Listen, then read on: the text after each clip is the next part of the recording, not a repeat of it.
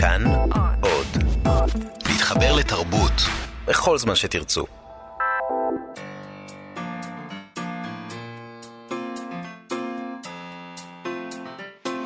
מה שכרוך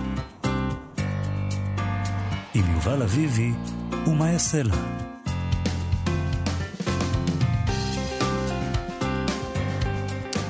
שלום, שבוע טוב, אנחנו מה שכרוך בכאן תרבות, כאן תרבות, מגזין הספרות היומי שלכם, אה, ואנחנו בתוכנית אה, ראשונה לשבוע זה. אה, אתם יכולים להזין לנו ב-104.9 ו-105.3 FM, אם אתם בעניין של תדרים וכל מיני דברים כאלה של העולם הישן, או להיכנס לעתיד עם יישומון כאן, כאן אודי, שתוכלו למצוא בחנויות האפליקציות. מאיה, את מלחסנת עליי מבט, כאילו זה לא העתיד, כאילו את רומזת שאני בעצמי קצת עבש. אתה עבש. אני במכונית שלי שומעת רדיו עם תחנות, 104.9 או 105.3, ואני... היה לי קטע כזה, כשרק הורדתי את כאן אודי, שהייתי שומע ברדיו עם האפליקציה, כי שומעים יותר טוב, אין, אין אף פעם את הכ... זהו, אצלי אין uh, את האפשרות הזאת, כי אני בכל זאת uh, אשת העבר, אז אני לא יודעת איך מחברים לרמקולים. אין לך בלוטוס. יש, אבל אני לא יודעת איך עושים את זה, אז כן, אני במובן הזה נכון. אתם, אני עבר. אתם יכולים לבחור. אתם יודעים מה? אנחנו לא נגיד עבר, עתיד, הווה, שאר הזמנים. העיקר שתאזינו לנו או בתדרים, או ביישומון, או באיך שאתם רוצים.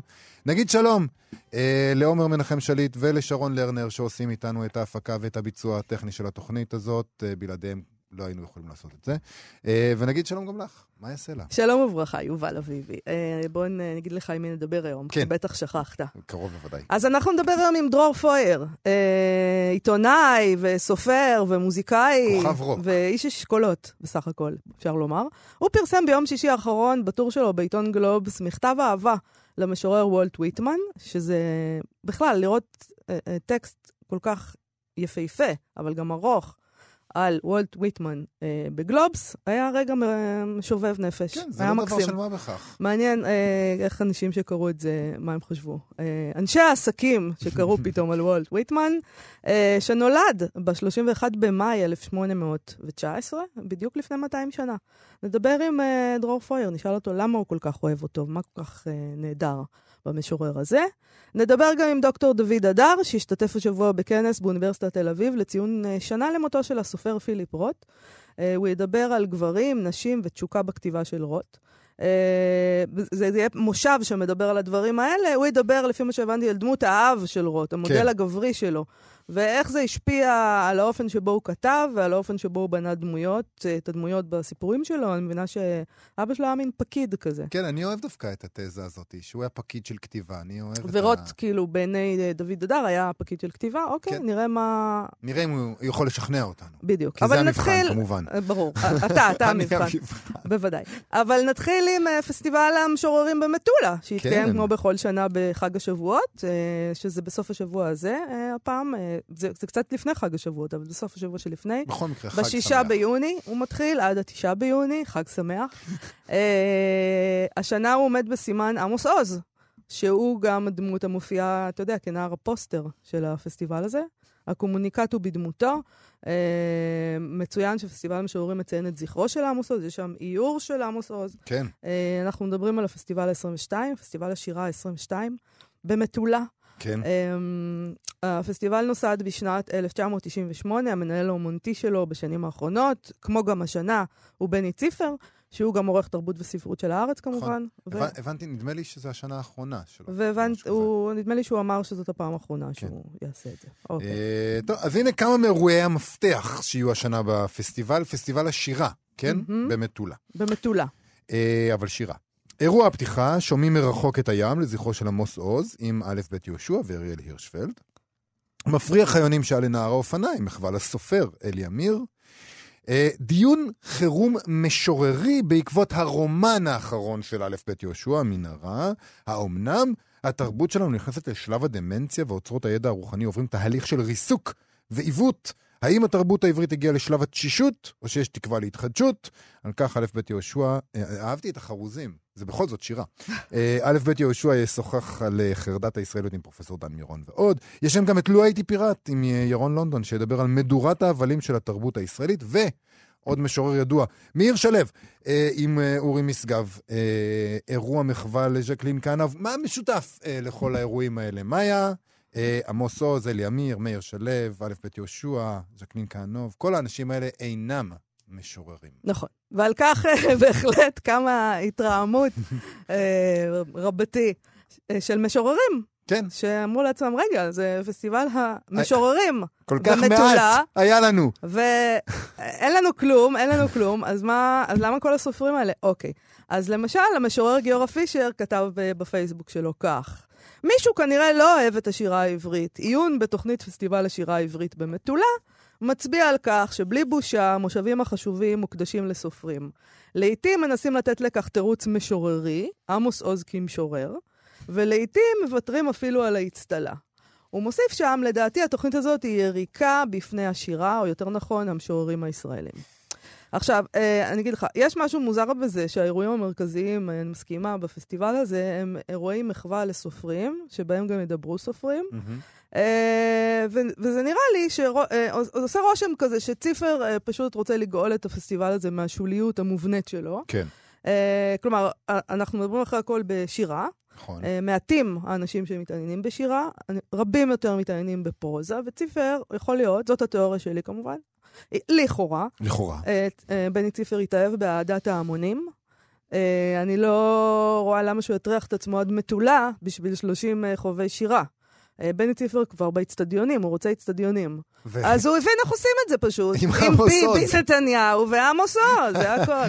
זה מזכיר לי, דיברנו על זה, אני לא זוכר איזה עירייה עשתה אה, פסטיבל המשוררים שהיה בו רק אה, זמרים. כן, זמ- זמרים. אתה יודע, כשאתה אומר זמרים זה גם קצת יכול להעליב, אבל כן. אבל כאילו, אתה יודע, אם ציפר רוצה אצטדיונים, שיביא את שלמה ארצי, את יודעת. או, אתה מתקדם? עמוס עוז, את לא יודעת. שלמה ארצי, אגב, היום. גם שלמה לא יודע. ארצי, לא רוצה להעליב, אבל שיביא את אייל גולן, כן, עומר אדם, דברים כי- כי כאלה. בכל זאת. עמוס עוז ומאיר שלו הם אנשים שמביאים קהל. אבל הם לא כאלה מרימים. הם לא מרימים. וגם לא, הם גם לא, בוא נגיד, הם לא ימלאו את אה, היכל מנורה, או איך שלא קוראים לזה בימינו, אה, בניגוד לאייל גולן שיכול. אה, אני רוצה להגיד שמצד שני גם לא צריך להגזים המחאה. נכון שהאירועים המרכזיים הם אירועי ספרות, אבל יש גם לא מעט אירועי שירה של ממש. למשל, אלפרד כהן וריטה קוגן. אה, באירוע משוררים בזוגיות, זה נחמד. הם זוג. הם זוג, והם והם, אה, משוררים שניהם. משוררים. כן, אה, אה, אז כן, דווקא יכול להיות מעניין לדבר איתם על זה. נכון. רעיון? אה, אירוע על אלזה לסקר שילר ופול צלן, סיגלית בנאי ואיימן אגבריה וסמי שלום שטרית וארז ביטון ואורי הולנדר ורוני סומק ואגי משעול והמשוררים אביחי קמחי ועצמון יניב ואירועים עם ועל נורית זרחי וחדווה הרחבי ורחל חלפי ומחווה לשלום שבזי ואירוע שירת האפרו עם אה, משוררים אתיופים. ממוצא אתיופי. ואירוע על שירת יעקב שטיינברג, ואירוע לזכר המשורר דוד פוגל, ומרתונים של שירה אל תוך הלילה. המון שירה, המון אירועי שירה, מה אתם מתבכיינים? לא גנבו לכם, עשו מעולה. לא גנבו להם את המדינה? אוקיי. את מטולה, לא את המדינה. בדברים שכתב בתוכניה בני ציפר, הוא גם מסביר את הבחירה הזאת שלו, אוקיי? הוא כותב כך: השנה עומד הפסטיבל בסימן זכרו של הסופר עמוס עוז, שהלך לעולמו כשהוא בשיא כוחו הספרותי. חלק ממורשתו מתבטא ברעיון שצריך ואפשר לפרוץ את הגבולות בין הפרוזה לשירה, כפי שעשה בספרו אותו הים, המספר בלשון השירה את אהבתו לים העתיק, הסוער והעשיר שלנו, וזו המשימה שקיבל עליו הפסטיבל השנה אף יותר מתמיד. להציג את כל צבעי הקשת של הדעות, הדורות, העדות והדתות, הסגנונות והקולות תחת קורת גג אחת. ממש עם אחד, לב אחד. אה, תשמע, זה מעניין שהוא אומר שעמוס עוז הלך לעולמו כשהוא בשיא כוחו הספרותי. אה, כשעמוס עוז מת, ממש לפני רגע, אה, פרסם בני ציפר הספד בעיתון הארץ, שבו הוא כתב, מת הנשיא של מה שמכונה השבט הלבן. אה, אחר כך הוא גם פרסם מאמרים של דן מירון, שביקרו את עוז בחריפות והסבירו עד כמה הוא לא היה סופר גדול, בטח שלא בשיאו. אה, נכון, אבל אה, אני, אני יכול להגן רגע על בני ציפר. בוא, יש, אה, ש, יש תפקידים שונים לבמות שומות, שונות. הוא, יש תפקיד אחר לפסטיבל המשוררים במטולה. הוא דיבר ו... פעם באמת על המסכות שלו, נכון. שהוא חובש. אז הוא זה. הוא החליף מסכה אבל זה לא פשוט. רק מסכה, מסכה זה יש לזה, זה גוון שלילי. את אומרת כאילו הבן אדם הוא, הוא איזה, מין, אה, אה, איזה מין פסאדה, ויש לו כאילו את הפסאדה לכל, אה, לכל אירוע.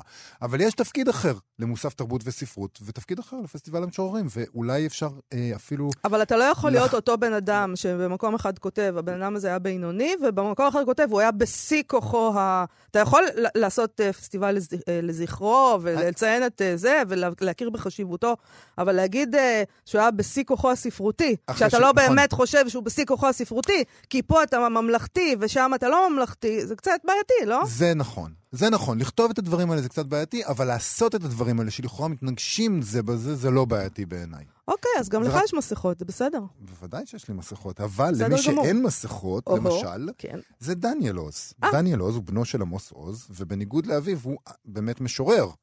אה, וככה הוא כתב אה, בפייסבוק. כנראה נגמר לציפר הריר לירוק על הקבר של אבא שלי. באורח קסם אפילו הוזמנתי לפסטיבל מטולה לראשונה בחיי, וגם אמרתי לו, לציפר, איפה לדחוף את זה. כן, אני רוצה עוד משהו להגיד לגבי המסכות, כן. ברשותך. Uh, כשממנים אה, מנהל אומנותי כן. ל- לאירוע, uh, ממנים את המנהל האומנותי הזה לא בכדי שהוא יהיה אדם ממלכתי. ממנים אותו כדי שהוא יהיה מנהל אומנותי שבוחר מה טוב בעיניו ואיך הוא מרכיב את הדבר הזה. מה- זה הבחירות האומנותיות שלו. כן. נכון?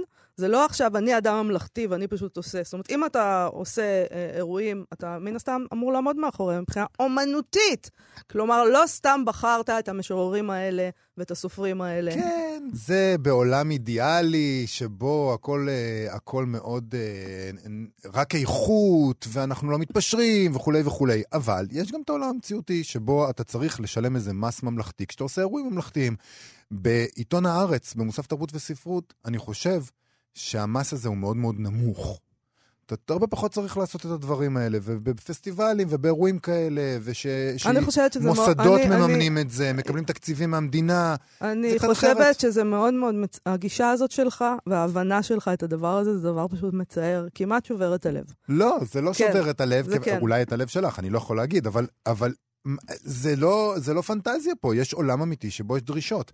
ואני לא יודע מה היה, אה, מה גרם לבן ציפר לעשות את מה שהוא עשה, אבל אה, אנשים עושים כל מיני אה, התפשרויות אה, כשהם נמצאים בבמות.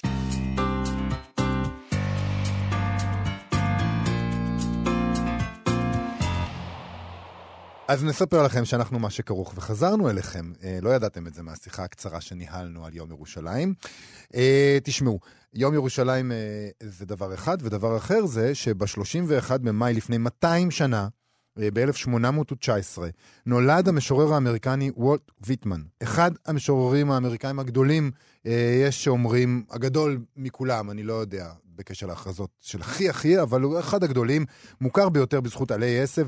העיתונאי דרור פויר הקדיש לוולט ויטמן את הטור השבועי שלו בעיתון גלובס, שבו הוא כתב כך: אנצל את הבמה המכובדת שניתנה לי, גם השבוע, כדי לחגוג יום הולדת 200 לאחד החברים הקרובים אליי ביותר בכל היקום כולו ובכל הזמנים כולם, כולל העתיד.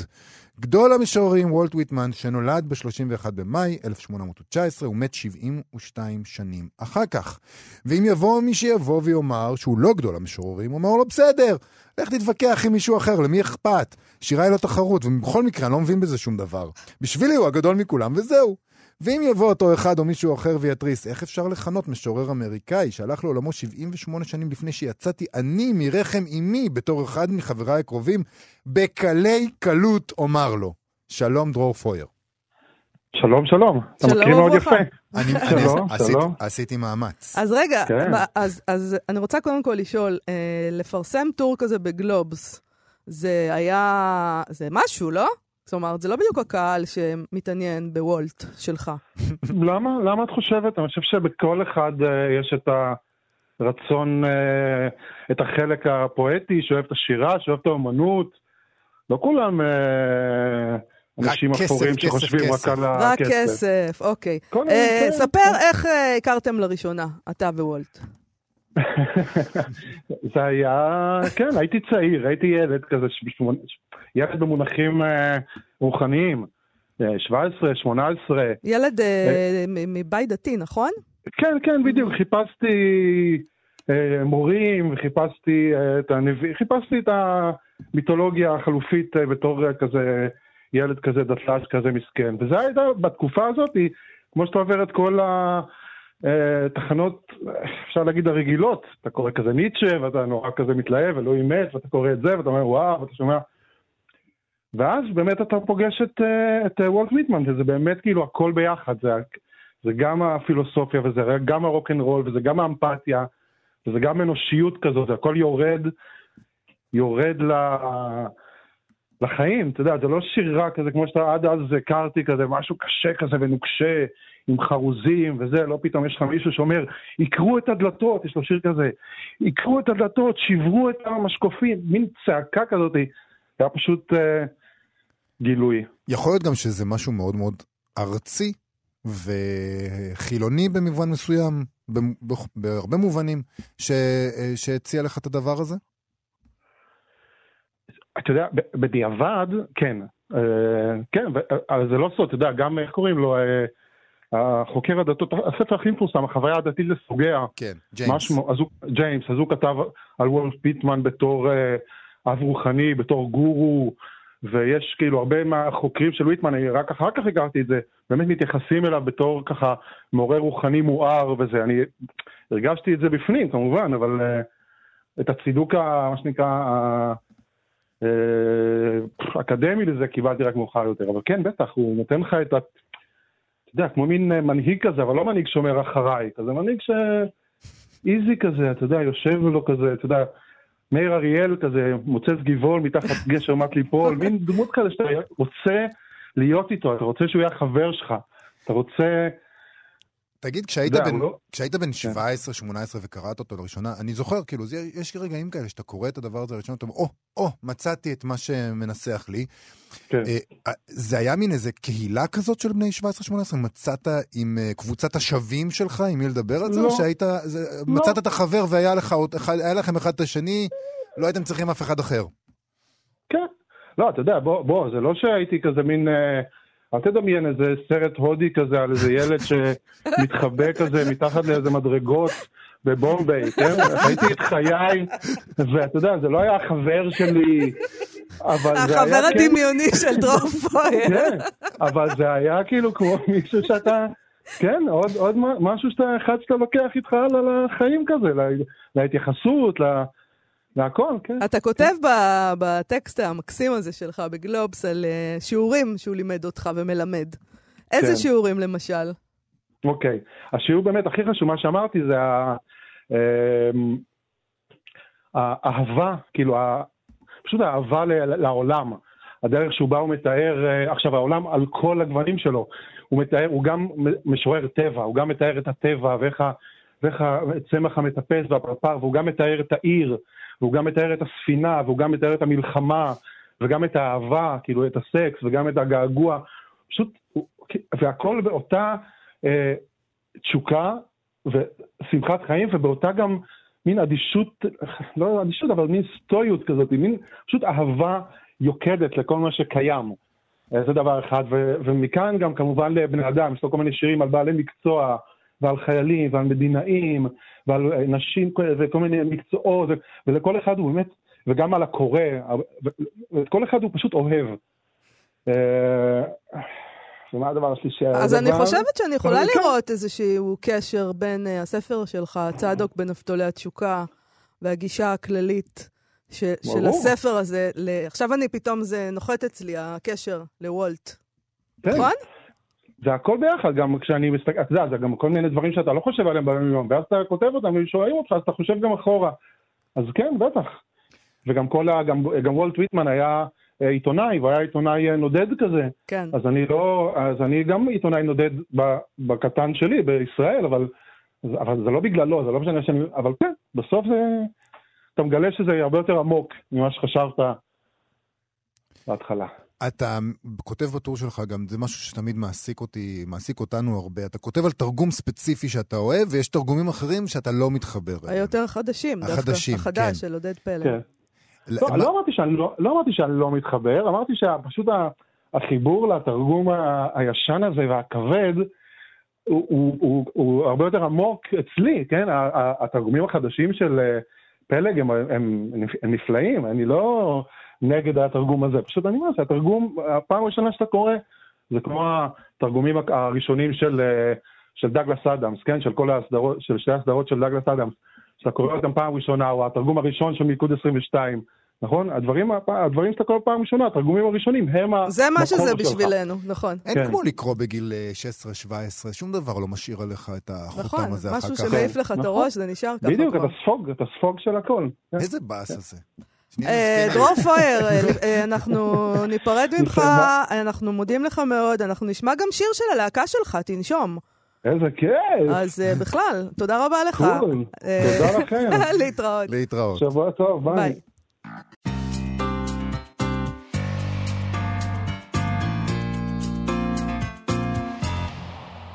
אה, אוקיי, אנחנו מה שכרוך בכאן תרבות. אה, חזרנו ביום שלישי באוניברסיטת תל אביב, התקיים כנס לציון שנה למותו של אה, אחד מגדולי הסופרים האמריקאים, פיליפ רוט. אה, היו שם כל מיני אנשים שדברו על דברים מעניינים. במושב שיקרא תחת הכותרת חיי כגבר, גברים, נשים ותשוקה, בכתיבתו של רוט, אה, ידברו אה, דוד, דוקטור דוד אדר, דוקטור מתן חרמוני ודוקטור דורית זילברמן. אנחנו ביקשנו לדבר עם דוקטור דוד אדר על המודל הגברי של רוט בחייו ובכתיבה. שלום לך, דוקטור דוד אדר. שלום. אה, אז, אז על מה מדובר? מה זה המודל הזה, הגברי, ב, של רוט בחייו ובכתיבה? זאת אומרת, אצל רוט תמיד יש אה, חשיבה על מהו גבר. באמת, אחד הספרים שלו קרוי חיי כגבר. אצלו זה אף פעם לא מובן מאליו. אפשר להגיד שדמות של רוט לא, נולד, לא נולדת גבר, אלא נהפכת לגבר. נהדר. ו... ואחד הדברים שאפשר לחבר את זה אליו, וזה מה שהכיוון שאני לקחתי כשהתבקשתי לדבר על רוס וגבריות, זה בעצם מצד אחד הדרך שבה הוא עובד כסופר, ומצד שני אבא שלו, אוקיי. שהוא דמות מאוד מאוד דומיננטית בחיים שלו, וגם יש המון אה, מין כפילים של האב בכתיבה שלו, ומין דמויות אב שמהוות איזה שברים ו- וניסיונות להתמודד עם האבא הזה. שמה הוא היה בעצם? מה זה הדמות הזאת של אבא שלו? לא, אנשים שאולי קראו רק את uh, מה מעיק על פורטנוי, Portnoy's Complaint, uh, אולי יחשבו שהאימא זה הדמות הכי דומיננטית בדמיון של רוט, אבל דווקא במשפחת משפחת רוט האמיתית, אז האבא היה מאוד דומיננטי, מאוד מוביל, מאוד מחליט מה יהיה. למרות שהוא לא היה המון בבית, הוא כל הזמן היה בעבודה, הוא היה סוכן ביטוח. שהקריירה שלו הייתה קצת מוגבלת בין היתר בגלל uh, אנטישמיות, Mm. אבל הוא עבד בחברת ביטוח מאוד גדולה, ואני חושב שזה מאוד הרשים את uh, רוס uh, מגיל מאוד צעיר. יש איזה קטע באוטוביוגרפיה שלו, העובדות, um, שהוא מספר על ביקור במשרד, והוא אומר שהוא אסף עלונים כאלה על בריאות, אז הוא, הוא מספר, אני, תרגום שלי מה, מהעובדות. אוקיי. אני קראתי על שחפת, הריון וסוכרת, בשעה, בשעה שהוא עמל על הרשומות והניירת.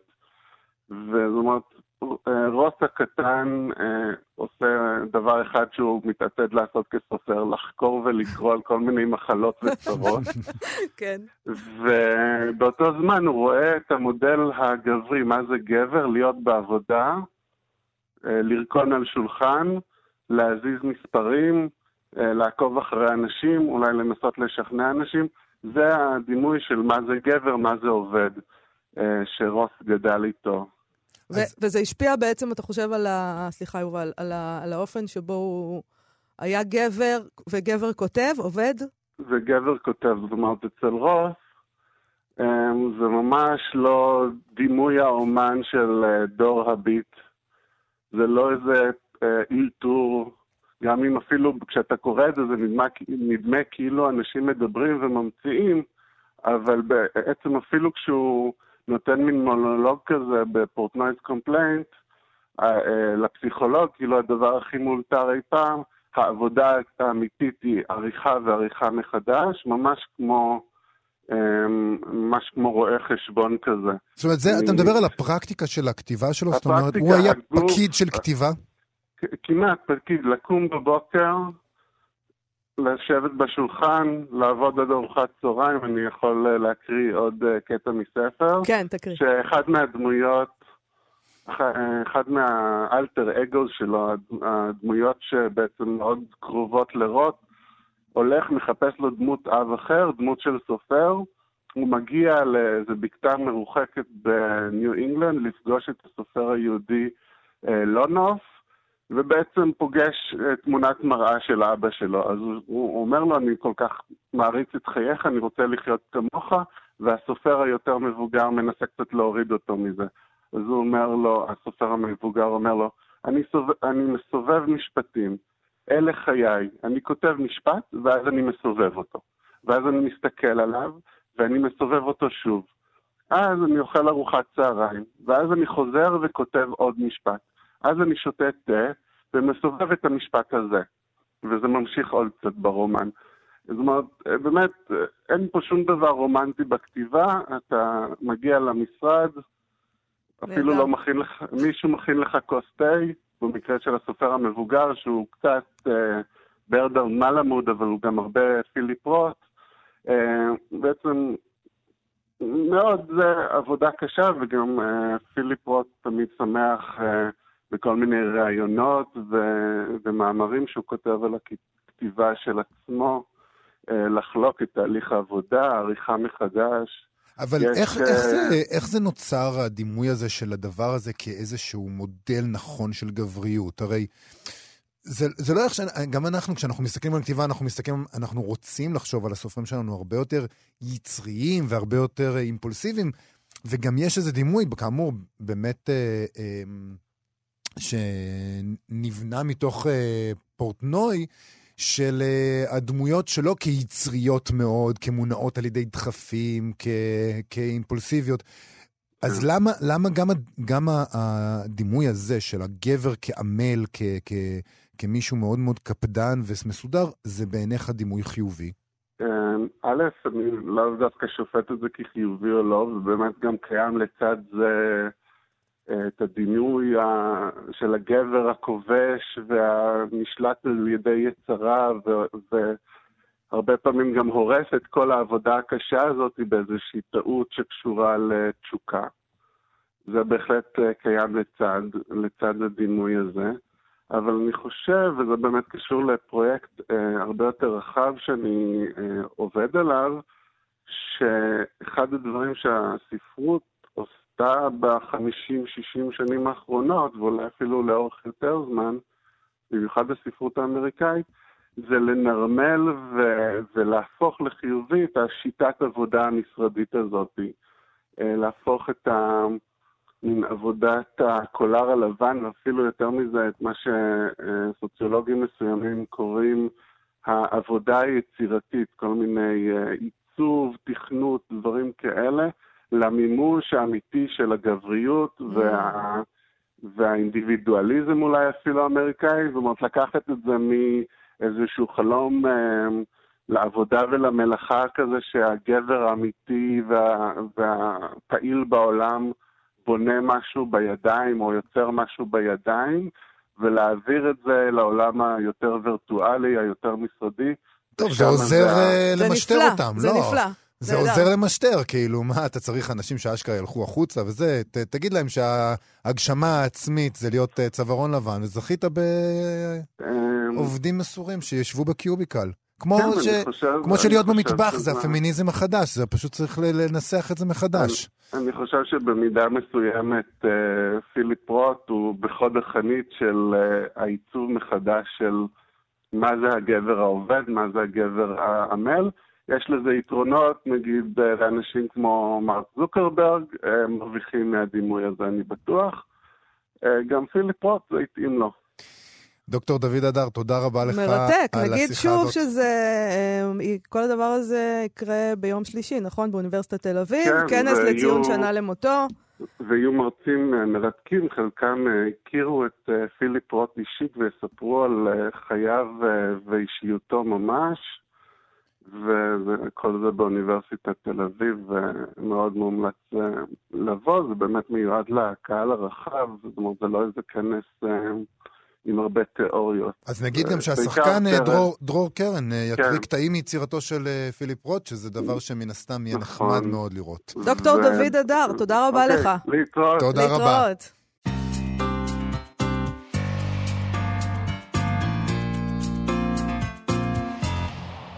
מה שכרוך, כאן אה, תרבות, יום ירושלים, אנחנו חושבים שאנחנו נציין אותו בקריאה של אה, סופרים שכתבו על ירושלים. אה, ואני אתחיל עם אה, גלית דהן קרליבך, שכתבה ספר מאוד מאוד יפה, ספר הביקורים שלה, אחותי כלה והגן נעול, הוא יצא בשנת 2010. היא סופרת ירושלמית, אפשר לומר, היא חיה בירושלים. כן.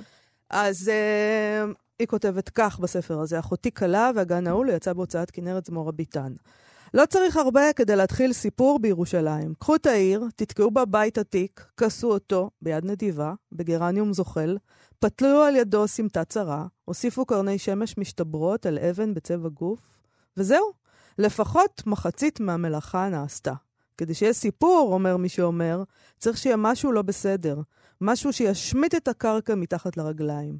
ואם קרקע צריך להשמיט, כדאי שלפחות תהיה זאת קרקע קשוחה, ירושלמית, נדלן משובח, קר נהדר ופורה לאחוזות קבר בשביל עשירים מחוץ לארץ, שיגיעו לשכון בהן ולזכות במעט תולעים ציוניות. קרקע שתקבל בסבלנות אין קץ את כל שגיונותיהם של הארכיאולוגים, שיצאו למלחמת עולם על מהותו של מעגל האבנים שהתגלה אמש בסילואן.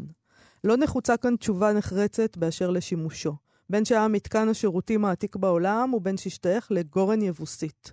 זה לא נחוץ בכלל כשיש מידה של ססגוניות ומעליה פרוסה סוכת גפנים. נחוץ מקום, מרחב מקומר, שבו אפשר להתרווח בהנחת סיפור על שתיים-שלוש כריות וללגום מדי פעם מקפה שחור שהורתח בפינג'אן.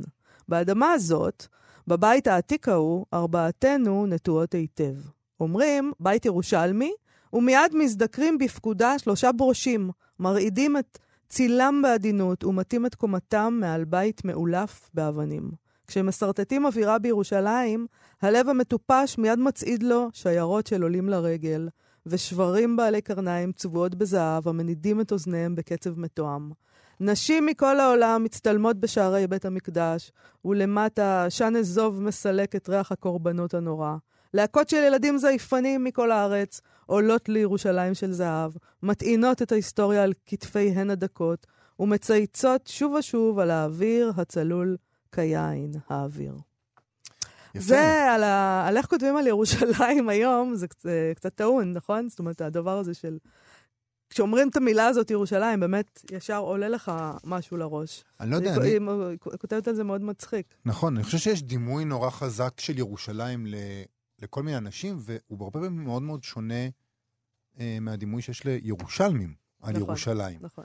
אה, לא, אני- היא באמת כותבת מהזווית הזאת של הירושלמית, שמלגלגת קצת עלינו, על איך שאנחנו רואים. את ה- בדיוק. אנחנו הלא ירושלמים. הלא ירושלמים. כן. ועוד התל אביבים, שמסתכלים על ירושלים כאלה, זה משהו אקזוטי, מוזר. יש לנו זמן לעוד קטע קצר? נקרא אה, מעיר ימים רבים של שולמית הר אבן. בבקשה. אה, היא כותבת כך: העיר הסבלנית קולטת את כל בעלי הרעיונות שנקבצים בה, את כל הפילוסופים. התימהונים והמטורפים, כולם מוסיפים לה נופך משלהם ונפלטים כלעומת שבאו. דומה לפעמים שהיא נבנית חציה אבנים וחציה שגעונות. הרבה טרופי דעת ברחובותיה, בעלי המצאות, תובענים, אוחזים בדשי בגד, כותבי עצומות אל חבר הלאומים. יום אחד הם כאן, למחרתו אינם. יום אחד נוסעת שרה אל בית החולים באוטובוס, כאשר יושבת לידה אישה כבת 60, מעשנת הרבה ותספורתה קצרצרה. הסיגריות יגמרו אותי, אומרת האישה לשרה. אבל מה? רק פעם אחת חיים. איך את יודעת? שואלת שרה. מביטה בה האישה בהפתעה. או, אני רואה שאת בחורה חכמה, ואם ככה אספר לך סיפור, הקשיבי היטב. שלוש פעמים בחמש שנים האחרונות ירו בי אותו כדור. לא שלושה כדורים, אותו כדור. ופעם אחת כבר הייתי שמה.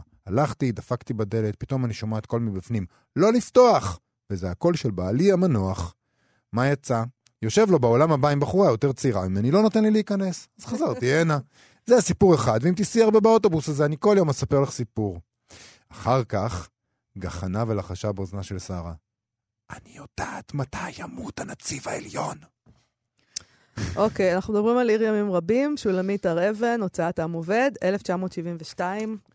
נהדרת, שולמית הר אבן. הרגשתי שאני צריך ללחוש את המשפט אני לא יודעת אם באמת זה היה נכון. אה, אני מקווה שהמאזינים יכולים היו להבין מה אמרת. נשאל- נשאל את שרון. שמעו? שרון, שמעו. בסדר. טוב, יופי. אז נתקדם. אה, חג שמח.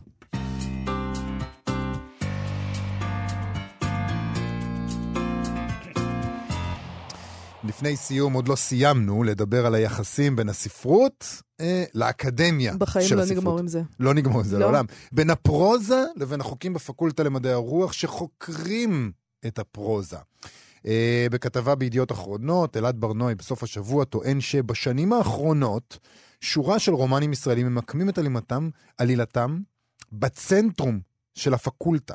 מתארים את החוגים לספרות כזירות גלדיאטורים, נוטפות יצרים, שגיבוריהן הם מרצים כוחניים שלא מרפים מכיסאם, מלחכי פנחה ותככנים שיגרמו למשחקי הכס להיראות כמו פרק של קרובים קרובים.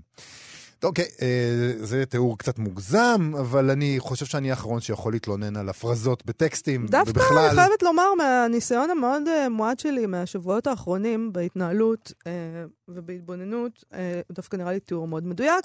עוד לא הייתה שם חתונה אדומה.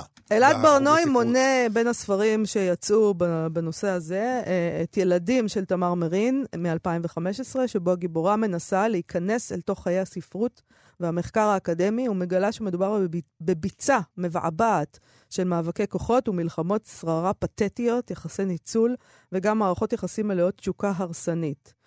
עוד ספר אה, הוא פעם היה לי לב של אסף סעדון מ-2016, שמציף את חדרי החוג לספרות בנוזלי גוף והבטחות כוזבות לקריירה, כולל ליקוקי תחת מילוליים להחריד, כך כותב ברנועי, וכן כמה מספרי של מאיה ארד, כמובן, שבהם מצטיירת הפקולטה למדעי הרוח כזירה מלאת קנאות ותככים קטנוניים, שבה אנשים תקועים עם הקולגות שלהם שהם לא סובלים, שמזמן הפסיקו לחשוב, שלא לומר לפרסם. אבל יש להם קביעות, והם לא יכולים להיפטר מהם בשום אופן. וכמובן, הספר שהוליד את הכתבה, יש להניח, הנציג הנוכחי של הגל, שפילפוגל שפילפוגל של מת... מתן חרמוני, אה, שכמובן דיברנו איתו פה ארוכות. הוא יצא עכשיו, והוא מציג את החוג לספרות אה, כזירה של אה, תקיעות סכין בגב ועוד תקיעות ממינים שונים. כן. אז ברנועי שואל ככה, מה יש בחוג לספרות שמעורר בחבריו ובפליטיו אמוציות עזות כל כך? למה הוא מצטייר בספרים באופן גרוטסקי כל כך? האם יש קשר בין הפוליטיקות הקטנות ומאבקי הכוח למה שמתרחש בחוגים באמת? אז הוא רוצה לחקור את התשובה, והוא שאל כל מיני אנשים. למשל, פרופסור מנחם פרי, שבעצם מקים את החוג לספרות באוניברסיטת אה, תל אביב, אומר לו ככה, צריך להיזהר מלקרוא את הספרים האלה כרומן מפתח.